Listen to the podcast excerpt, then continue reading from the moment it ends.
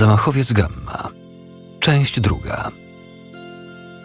W pierwszym odcinku Zamachowca Gamma dowiedzieliśmy się, że nieznany sprawca dokonał kilku ataków bombowych w aglomeracji kopenhaskiej. Pierwszymi celami były budki telefoniczne. Cudem nikt nie zginął. Zazwyczaj do bomby dołączony jest list od sprawcy, ale policja nie może wyciągnąć z niego żadnych konkretnych wskazówek. Zamachowiec zmienia nagle sposób działania i przestaje używać budek telefonicznych jako miejsce eksplozji.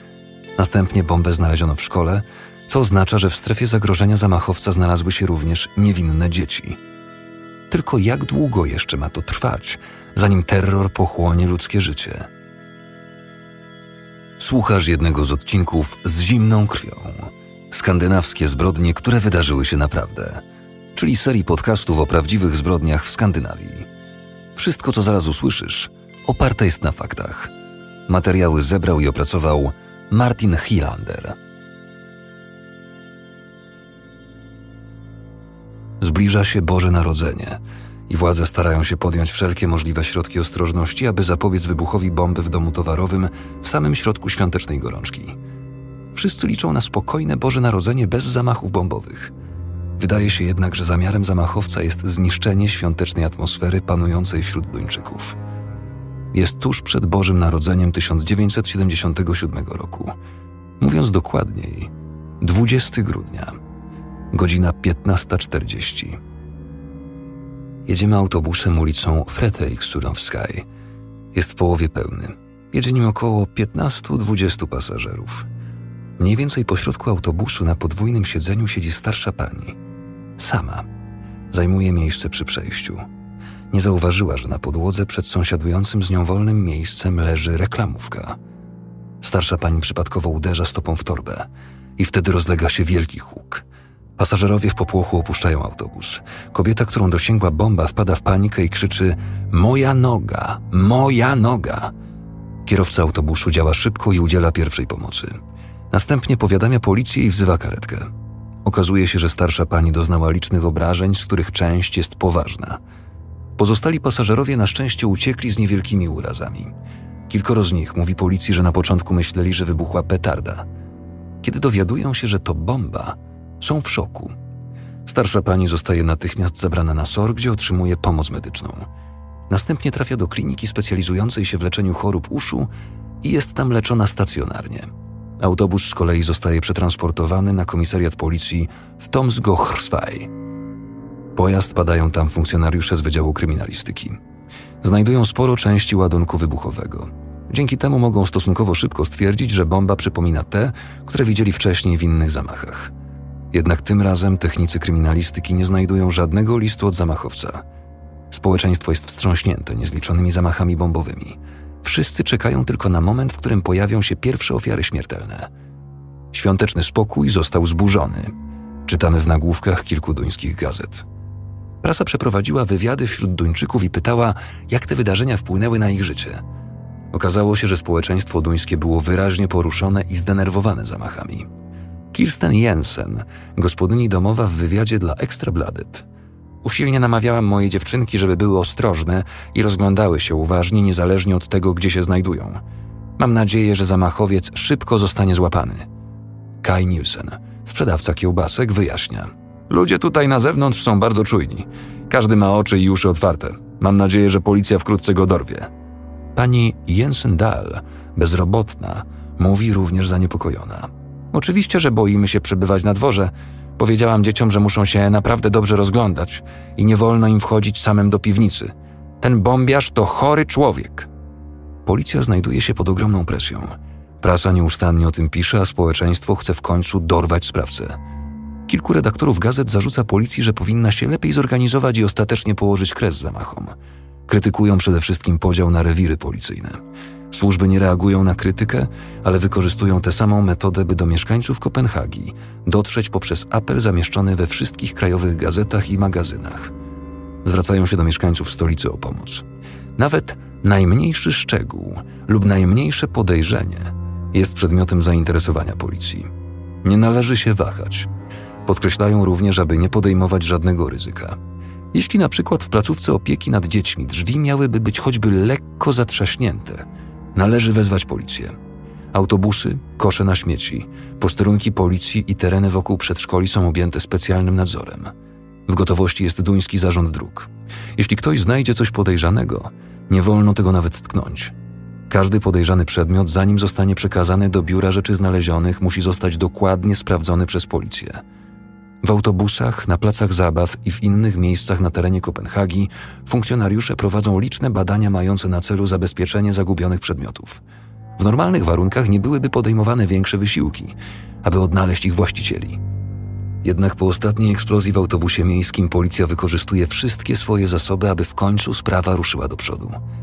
Szef kopenhaskiego Wydziału Zabójstw powołuje specjalną jednostkę, której jedynym zadaniem jest ustalenie sprawcy ataków. Aby przywrócić spokój wśród mieszkańców, policjanci patrolują cały obszar stolicy. W Kopenhadze i Gladsaxe obowiązuje zakaz wyjazdów wakacyjnych dla policji kryminalnej i Wydziału Porządkowego. Ponadto zaoferowano nagrodę w wysokości 20 tysięcy koron duńskich, około 12 800 złotych, co odpowiada dzisiejszej wartości 80 tysięcy koron, około 51 230 złotych. Kim jest zamachowiec? Jedyne, czego policja jest pewna, to że ta lub te osoby funkcjonują pod wybranymi przez siebie pseudonimami. Fałszywa siódemka, niewidzialny X lub zamachowiec gamma. Nic więcej nie wiadomo. Sprawy nie posuwają się naprzód. Po prostu nie ma żadnych przydatnych wskazówek, które można by wykorzystać. W tym czasie do redakcji gazety Extra Bladet dociera dziwny list. Zawiera m.in. następujące stwierdzenia. Extra Bladet poprosił nas o komentarz w sprawie zamachów z 1977 roku. Poprzez ten list postaramy się postawić sprawę jasno i wyjaśnić wszelkie niejasności, które pojawiły się w prasie i w policji w związku z zamachami bombowymi. Organizacja terrorystyczna Sadystyczni Mordercy składa się z fałszywej siódemki, przywódcy organizacji.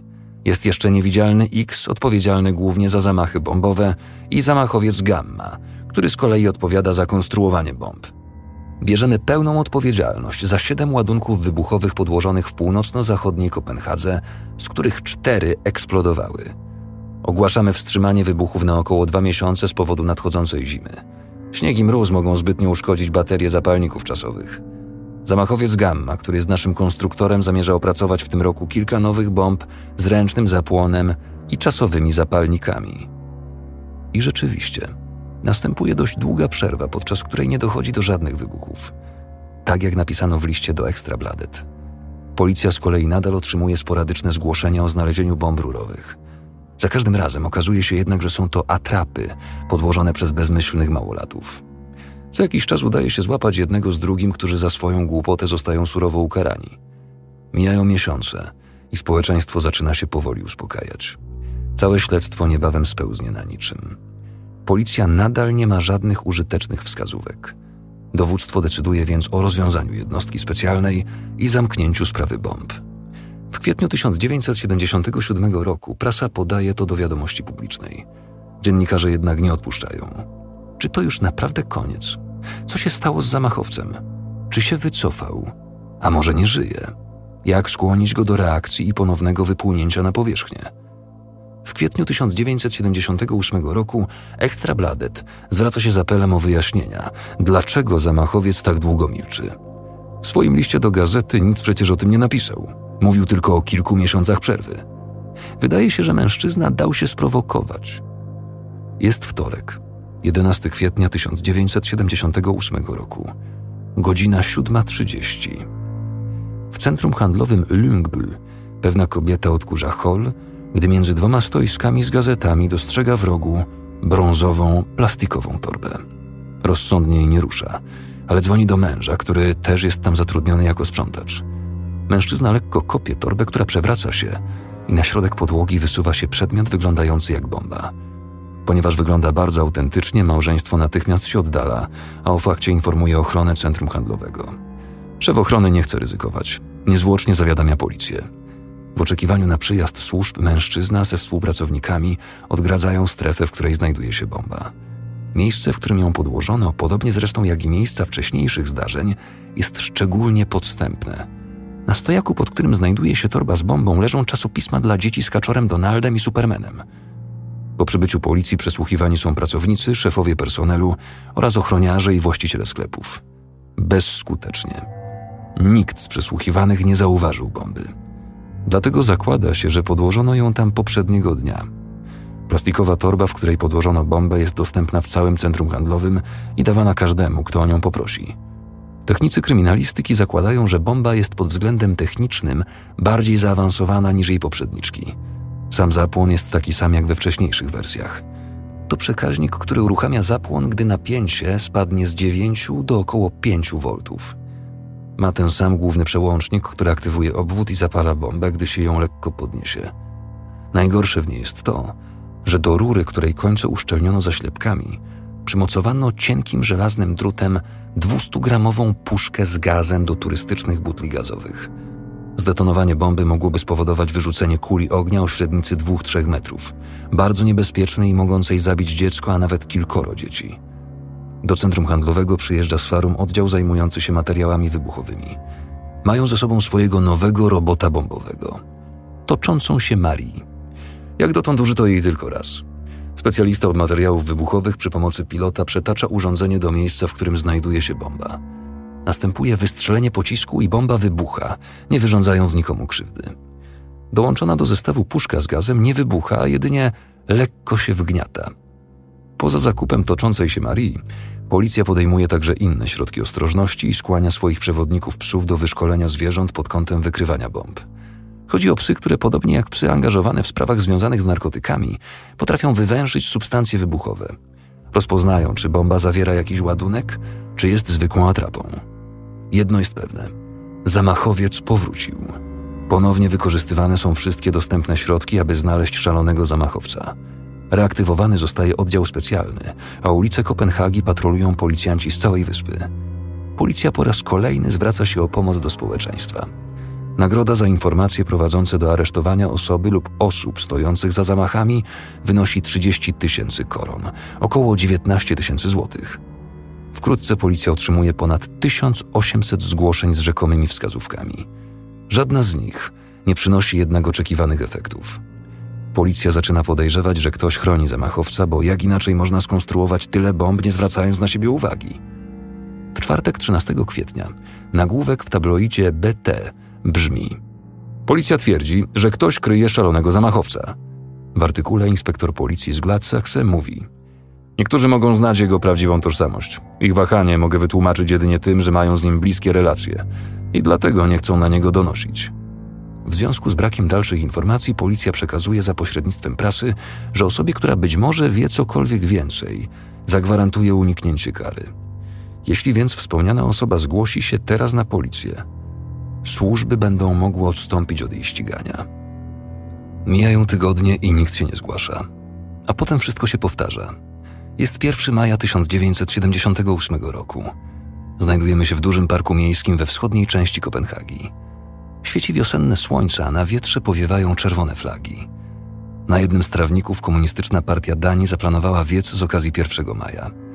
Park jest pełen ludzi. Szesnastoletni chłopiec fotografuje tłum i osoby przemawiające na scenie.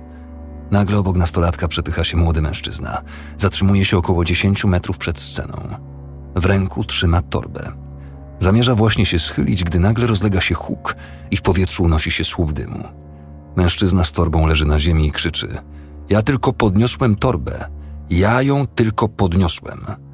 Z jego ręki i z nóg cieknie krew. Ucierpiał również stojący w pobliżu starszy mężczyzna. Ludzie przybiegają na miejsce zdarzenia, aby pomóc zarówno chłopcu, jak i starszemu mężczyźnie. Młodzieniec po otrząśnięciu się z początkowego szoku znika w tłumie kulejąc. O 14.55 kopenhaska policja kryminalna otrzymuje zgłoszenie przez radio i przyjeżdża na miejsce zdarzenia. Jest tam już jednostka policji porządkowej. Natychmiast odgradza teren, aby zabezpieczyć pozostałości po bombie, które leżą w trawie pomiędzy licznymi uczestnikami spotkania. Resztki bomby są zbierane, umieszczane w drewnianej skrzyni i odstawiane z tyłu sceny. To samo dzieje się z plastikową siatką leżącą tuż obok ładunku.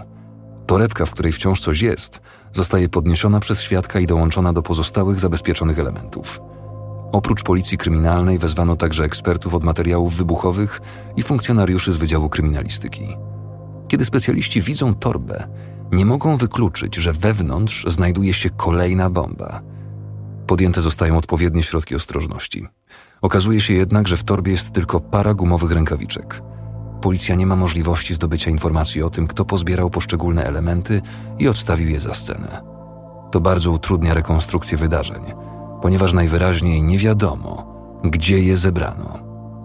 Policja ma jednak szczęście, gdyż niektórzy z uczestników wiecu zaraz po wybuchu robili zdjęcia swoimi aparatami. Szczególne znaczenie mają fotografie wykonane przez 16-letniego chłopca, ponieważ to on stał w pobliżu bomby, kiedy ta wybuchła. Policji przekazywane są klisze z aparatów, aby można je było jak najszybciej wywołać. Jest nadzieja, że zdjęcia pozwolą dowiedzieć się więcej o przebiegu wydarzeń. Kilkoro świadków widziało ludzi uciekających z miejsca, w którym wybuchła bomba. Jeden z nich oddalił się trzymając za silnie krwawiącą prawą rękę. Świadek, który posiada przeszkolenie w zakresie udzielania pierwszej pomocy, podbiega do kulejącego młodego człowieka, chwyta go pod ramiona i podtrzymuje, dopóki inni nie przyjdą mu z pomocą. Razem zabierają rannego do namiotu pierwszej pomocy, gdzie czekają już zaalarmowani ratownicy. Ranny młody człowiek zostaje przewieziony na SOR szpitala Ris Hospitalet, który znajduje się niedaleko. Tak się składa, że na oddziale ratunkowym przebywa dwóch policjantów. Słyszeli w radiu o bombie w parku. Łączą ze sobą oba elementy i zakładają, że ranny mężczyzna to najprawdopodobniej poszukiwany, a teraz już niestety słynny zamachowiec. Kontaktują się z przełożonymi ze swojego posterunku, którzy z kolei zwracają się do policji kryminalnej. Mają dyskretnie obserwować poszkodowanego i czekać na dalsze instrukcje. Niedługo później młody człowiek zostaje przeniesiony na oddział chirurgii ręki do innego szpitala. Stosunkowo szybko pojawia się policja kryminalna. Tego samego wieczoru o 22.10 po uzyskaniu zgody lekarzy młody człowiek zostaje przesłuchany. Mieszka w pokoju jednoosobowym i pozostaje pod całodobową obserwacją. Dowiaduje się, że jest uważany za osobę zatrzymaną. Może skorzystać z prawa do odmowy zeznań. Młody mężczyzna opowiada, że jest licealistą i ma 19 lat. Mieszka z rodzicami w willi na kopenhaskim przedmieściu Hellerup. Następnie chłopak dowiaduje się, że jest oskarżony zarówno o usiłowanie zabójstwa zgodnie z paragrafem 237 duńskiego kodeksu karnego, jak i o naruszenie paragrafu 183 duńskiego kodeksu karnego. Kto powoduje eksplozję przy użyciu materiałów wybuchowych i w ten sposób naraża na niebezpieczeństwo lub powoduje uszczerbek na życiu, ciele lub na mieniu innej osoby, podlega karze pozbawienia wolności do lat 12. Młody człowiek jest początkowo wstrząśnięty zarzutami i nie potrafi ich skomentować. Przyznaje jednak, że to on podłożył tego dnia bombę w parku. Niepytany oznajmia też, że nie jest fałszywą siódemką. W kwestii bomby w parku mówi następnie, że poszedł do parku z czterema kolegami z klasy. Stali około 50 metrów od sceny. W pewnym momencie sam poszedł w kierunku sceny, ponieważ planował umieścić przyniesioną ze sobą bombę obok niej lub gdzieś w pobliżu. Nie potrafi jednak odpowiedzieć, dlaczego torba z bombą została podłożona w pobliżu osób, które znajdowały się w bezpośrednim sąsiedztwie sceny. Bomba, która znajduje się w plastikowej torbie, ma wybuchnąć po podniesieniu torby lub po częściowym rozładowaniu się baterii. Po rozładowaniu przekaźnik miał uruchamiać zapalnik. Konstrukcja musiała być jednak wadliwa, ponieważ bomba wybuchła w momencie, gdy chłopak trzymał rękę w torbie, aby aktywować główny wyłącznik. Jeśli chodzi o motyw, dla którego przyniósł ładunek na wietrz, Młody człowiek mówi, że chciał wyrazić swoją pogardę dla komunizmu. Następnie zostaje innymi zapytany, co wie o zamachach z zeszłego roku. Zaprzeczył, jakoby cokolwiek o nich wiedział. W międzyczasie policjanci przeszukali pomieszczenia w domu jego rodziców. Informują chłopaka, że przeprowadzono rewizję i że w jego pokoju znaleziono wiele różnych przedmiotów, które ewidentnie wskazują na jego wiedzę na temat wcześniejszych zamachów bombowych. Młody człowiek milczy przez kilka sekund. Wygląda przez okno. Zastanawia się przez chwilę. Następnie patrzy na jednego z funkcjonariuszy i składa zeznanie. Przyznaje, że jest zamachowcem. Sam skonstruował i wykonał wszystkie dziewięć bomb. Wszystkie powstały w jego pokoju w willi jego rodziców. Opowiada też długą historię o tym, że był członkiem grupy składającej się z trzech osób: fałszywej siódemki, lidera, niewidzialnego X i zamachowca Gamma, czyli jego samego. Grupa powstała w 1977 roku, a on został jej członkiem, ponieważ w ciągu ostatnich pięciu lat zdobył rozległą wiedzę na temat konstruowania bomb. Celem grupy jest terroryzowanie społeczeństwa Danii.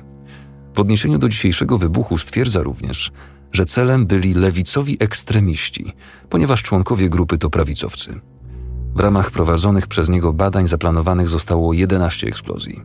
Chciał zgłębić związek między środkami masowego przekazu a terroryzmem – Planował też, że po 11 eksplozji w liście otwartym poinformuje Duńczyków, że przyszłe działania terrorystyczne będą skierowane wyłącznie przeciwko grupom lewicowym. Twierdzi, że za pierwsze trzy ataki dostał zapłatę. Następnie został członkiem grupy i konstruował bomby za darmo. Podczas przesłuchania mówi również, że sam podłożył ładunki w autobusie i w parku, a pozostałe bomby zostały przyniesione w odpowiednie miejsca przez innych członków grupy. Nie chce jednak ujawnić ich tożsamości. Jeśli to zrobi, będą próbowali go zabić. Mężczyzna zostaje poinformowany, że trafi przed sąd i do aresztu. Lekarze, którzy się nim zajmują, nie zgadzają się na natychmiastowe zatrzymanie. Data rozprawy zostaje jednak wyznaczona na następny dzień, a pod nieobecność oskarżonego zostaje wydany nakaz aresztowania w wymiarze czterech tygodni aresztu tymczasowego. Sędziowie zobowiązali zamachowca do stawienia się przed sądem nie później niż 24 godziny po wydaniu orzeczenia lekarskiego potwierdzającego jego gotowość do obecności na rozprawie. Wróćmy pokrótce do przebiegu wydarzeń, które miały miejsce po wybuchu w parku. Kiedy policjanci z Wydziału Kryminalnego przybywają na SOR Szpitala Miejskiego, zastają tam dwóch młodych funkcjonariuszy, którzy podejrzewają, że sprawcą jest ranny młody mężczyzna. Zgłaszają, że chcieli zobaczyć przedmioty, które poszkodowany miał w kieszeniach. Jednak personel szpitala nie dopuszczał do tego, zwłaszcza, że także mężczyzna wzbraniał się przed pokazaniem tego, co ma przy sobie. Obaj funkcjonariusze nie chcieli popełniać żadnych błędów proceduralnych i dlatego czekali na przyjazd policji kryminalnej. Kiedy ta przybywa na miejsce, nakazuje sprawdzić zawartość kieszeni rannego. Znajdują się w nich m.in. zaślepka do rury o średnicy pół cala oraz schemat przedstawiający znalezione wcześniej bomby. Policjanci udają się następnie do miejsca zamieszkania podejrzanego i za zgodą rodziców przeszukują jego pokój. To właśnie tu znajdują dowody, których tak długo i intensywnie szukali. Schematy, rysunki broni i wycinki z gazet na temat wszystkich wybuchów bomb, do których doszło od 8 kwietnia 1977 roku. Znajdują też rurki, zaślepki, przewody, kable i wiele innych elementów elektronicznych ze starych radioodbiorników i tym podobnych. Ponadto w ręce policji trafiają narzędzia, które pozostawiają dokładnie takie same wgniecenia, jakie widoczne są na rurach wcześniejszych bomb. Jak już wspomniano, zamachowiec zostaje najpierw postawiony przed sądem, a następnie aresztowany na cztery tygodnie. Za zgodą lekarzy zostaje przeniesiony do ambulatorium w kopenhaskim więzieniu Westre Fangxl, gdzie 9 maja o 9.30 w obecności swojego obrońcy zostaje przesłuchany przez policję kryminalną. W porównaniu z pierwszymi zeznaniami te zmierzają w zupełnie innym kierunku. Stwierdzenie, że do stowarzyszenia należały trzy osoby, było kłamstwem. Wszystko robił sam. I to on, i tylko on, opracował, skonstruował, a następnie porozmieszczał poszczególne bomby. Potrafi bardzo dokładnie opisać szczegóły wszystkich zamachów. Ten fakt nie pozostawia wątpliwości co do jego zeznań. To między innymi gazeta Politiken sprawiła, że nazwał siebie zamachowcem Gamma, ponieważ to właśnie dzięki niej dowiedział się, że fałszywa siódemka wygląda jak litera Gamma. A ponieważ zamachowiec Gamma brzmi bardziej śmiercionośnie niż fałszywa siódemka, wolał przybrać ten właśnie pseudonim. Ale dlaczego przeprowadza zamachy bombowe? To najważniejsze pytanie, na które policja chce znaleźć odpowiedź. Czy jest szaleńcem? Nie, nic na to nie wskazuje. Wręcz przeciwnie, sprawia dobre wrażenie. Rozsądnie formułuje swoje myśli i podczas przesłuchiwania przez policję jest niezwykle uprzejmy. Biegli z zakresu psychiatrii sądowej również stwierdzają, że nie jest to zaburzenie psychiczne. Podczas przesłuchań chłopak ujawnia jednak kilka ciekawych szczegółów. Zawsze dobrze radził sobie w szkole i chętnie uczestniczył w zajęciach. Od dzieciństwa był jednak bardzo powściągliwy i trudno było mu jasno wyrazić swoje zdanie. Nie było mu łatwo wypowiadać się zarówno w formie pisemnej, jak i ustnej. Kiedy uczęszczał do szkoły podstawowej w Murkeu, niektórzy uczniowie znęcali się nad nim. Prześladowania ustały dopiero, gdy trafił do gimnazjum w Gladsaxe. Jest w dwunastej klasie i jako przedmioty rozszerzone wybrał biologię i matematykę. W gimnazjum inni postrzegają go jako outsidera, któremu trudno jest uczestniczyć w życiu społeczności. Wielu kolegów z klasy określa go jako osobę niedojrzałą i żyjącą we własnym świecie. Miał więcej do czynienia z dziewczynami niż z chłopcami. Niektóre opisywały go jako słodkiego i miłego, inne z kolei uważały go raczej za dziwnego. Młody człowiek nie potrafi wyjaśnić, dlaczego zaczął podkładać bomby w Kopenhadze. Mówi, że początkowo zainspirował go wybuch na stacji kolejki podmiejskiej w Ballerup. Ponadto opowiada, że przed atakiem bombowym przeżywał swego rodzaju kryzys egzystencjalny i czuł się przygnębiony. Miało to prawdopodobnie związek z odejściem jego dziewczyny. Było to latem 1977 roku. Zamachy bombowe łagodziły jego depresyjny nastrój. Jednocześnie dał do zrozumienia, że jego kryzys egzystencjalny doprowadził do poczucia pogardy wobec otoczenia, a on chciał jedynie wyrządzić szkody, stwarzając tym samym pozory siatki terrorystycznej. Mówi też o wrażeniu rozdwojenia jaźni. Czasami czuje się dawnym sobą i wówczas nie chce już konstruować bomb. Potem znowu pojawiają się fazy, gdy nie jest sobą, ale w swoim złym alter ego, które sprawia, że jednak pragnie je budować i wysadzać w powietrze różne rzeczy. Później jednak wycofuje się z tego opisu i twierdzi, że należało go traktować jedynie jako przenośnie i że w rzeczywistości nie jest dwiema osobami. Trudno powiedzieć, czy to prawda. Podczas przeszukiwania jego pokoju można znaleźć również bardzo szczegółowe zapiski dotyczące różnych pseudonimów. Fałszywa siódemka, niewidzialny X czy zamachowiec gamma. Zapisywał, co pseudonimy kupiły za bomby, które same wyprodukowały, tak jakby były to rzeczywiście istniejące osoby. Może więc to prawda, że żył w świecie fantazji, w którym odgrywał różne role.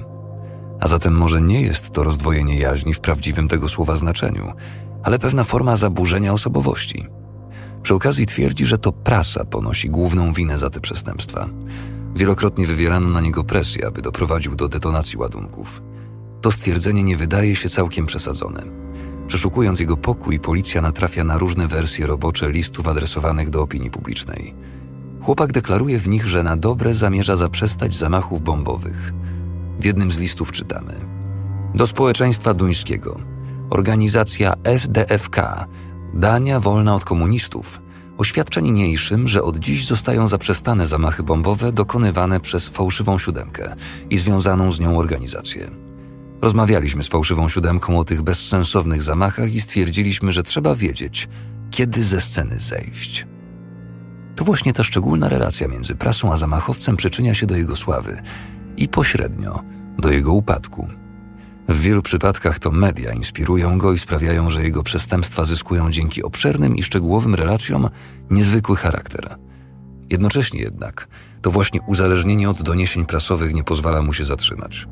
Nawet po długiej przerwie, z tego samego powodu kontynuuje swoje akcje i dokonuje kolejnych ataków, co z kolei prowadzi do wznowienia śledztwa i aresztowania. Należy również wspomnieć, że zamachowiec podaje niejasne i często zmienne informacje na temat swoich motywów, przez co prawdziwy bodziec jego działania pozostaje niewiadomą. Zdumiewające jest również to, że nikt z jego otoczenia nie zauważył, czym zajmował się na co dzień. Jego rodzice zaprzeczyli, jakoby wiedzieli, że ich syn siedział w swoim pokoju i konstruował bomby. Nikt z jego najbliższego otoczenia lub kręgu znajomych o niczym nie wiedział, ani niczego nie podejrzewał. 16 marca 1979 roku zostaje ogłoszony wyrok. Postępowanie jest krótkie i w ciągu kilku dni sąd okręgowy w Kopenhadze wydaje werdykt. Zamachowiec zostaje skazany na 5 lat więzienia. Jednak już we wrześniu 1981 roku zostaje zwolniony warunkowo i przechodzi pod nadzór kuratora. Po wyjściu na wolność studiuje i zostaje inżynierem chemii. Jest żonaty i ma dwoje dzieci. W wieku zaledwie 38 lat umiera z powodu ostrej niewydolności serca. Zamachy bombowe oraz ich nietypowy, a momentami wręcz groteskowy przebieg nadal stanowią ewenement w najnowszej duńskiej historii kryminalnej.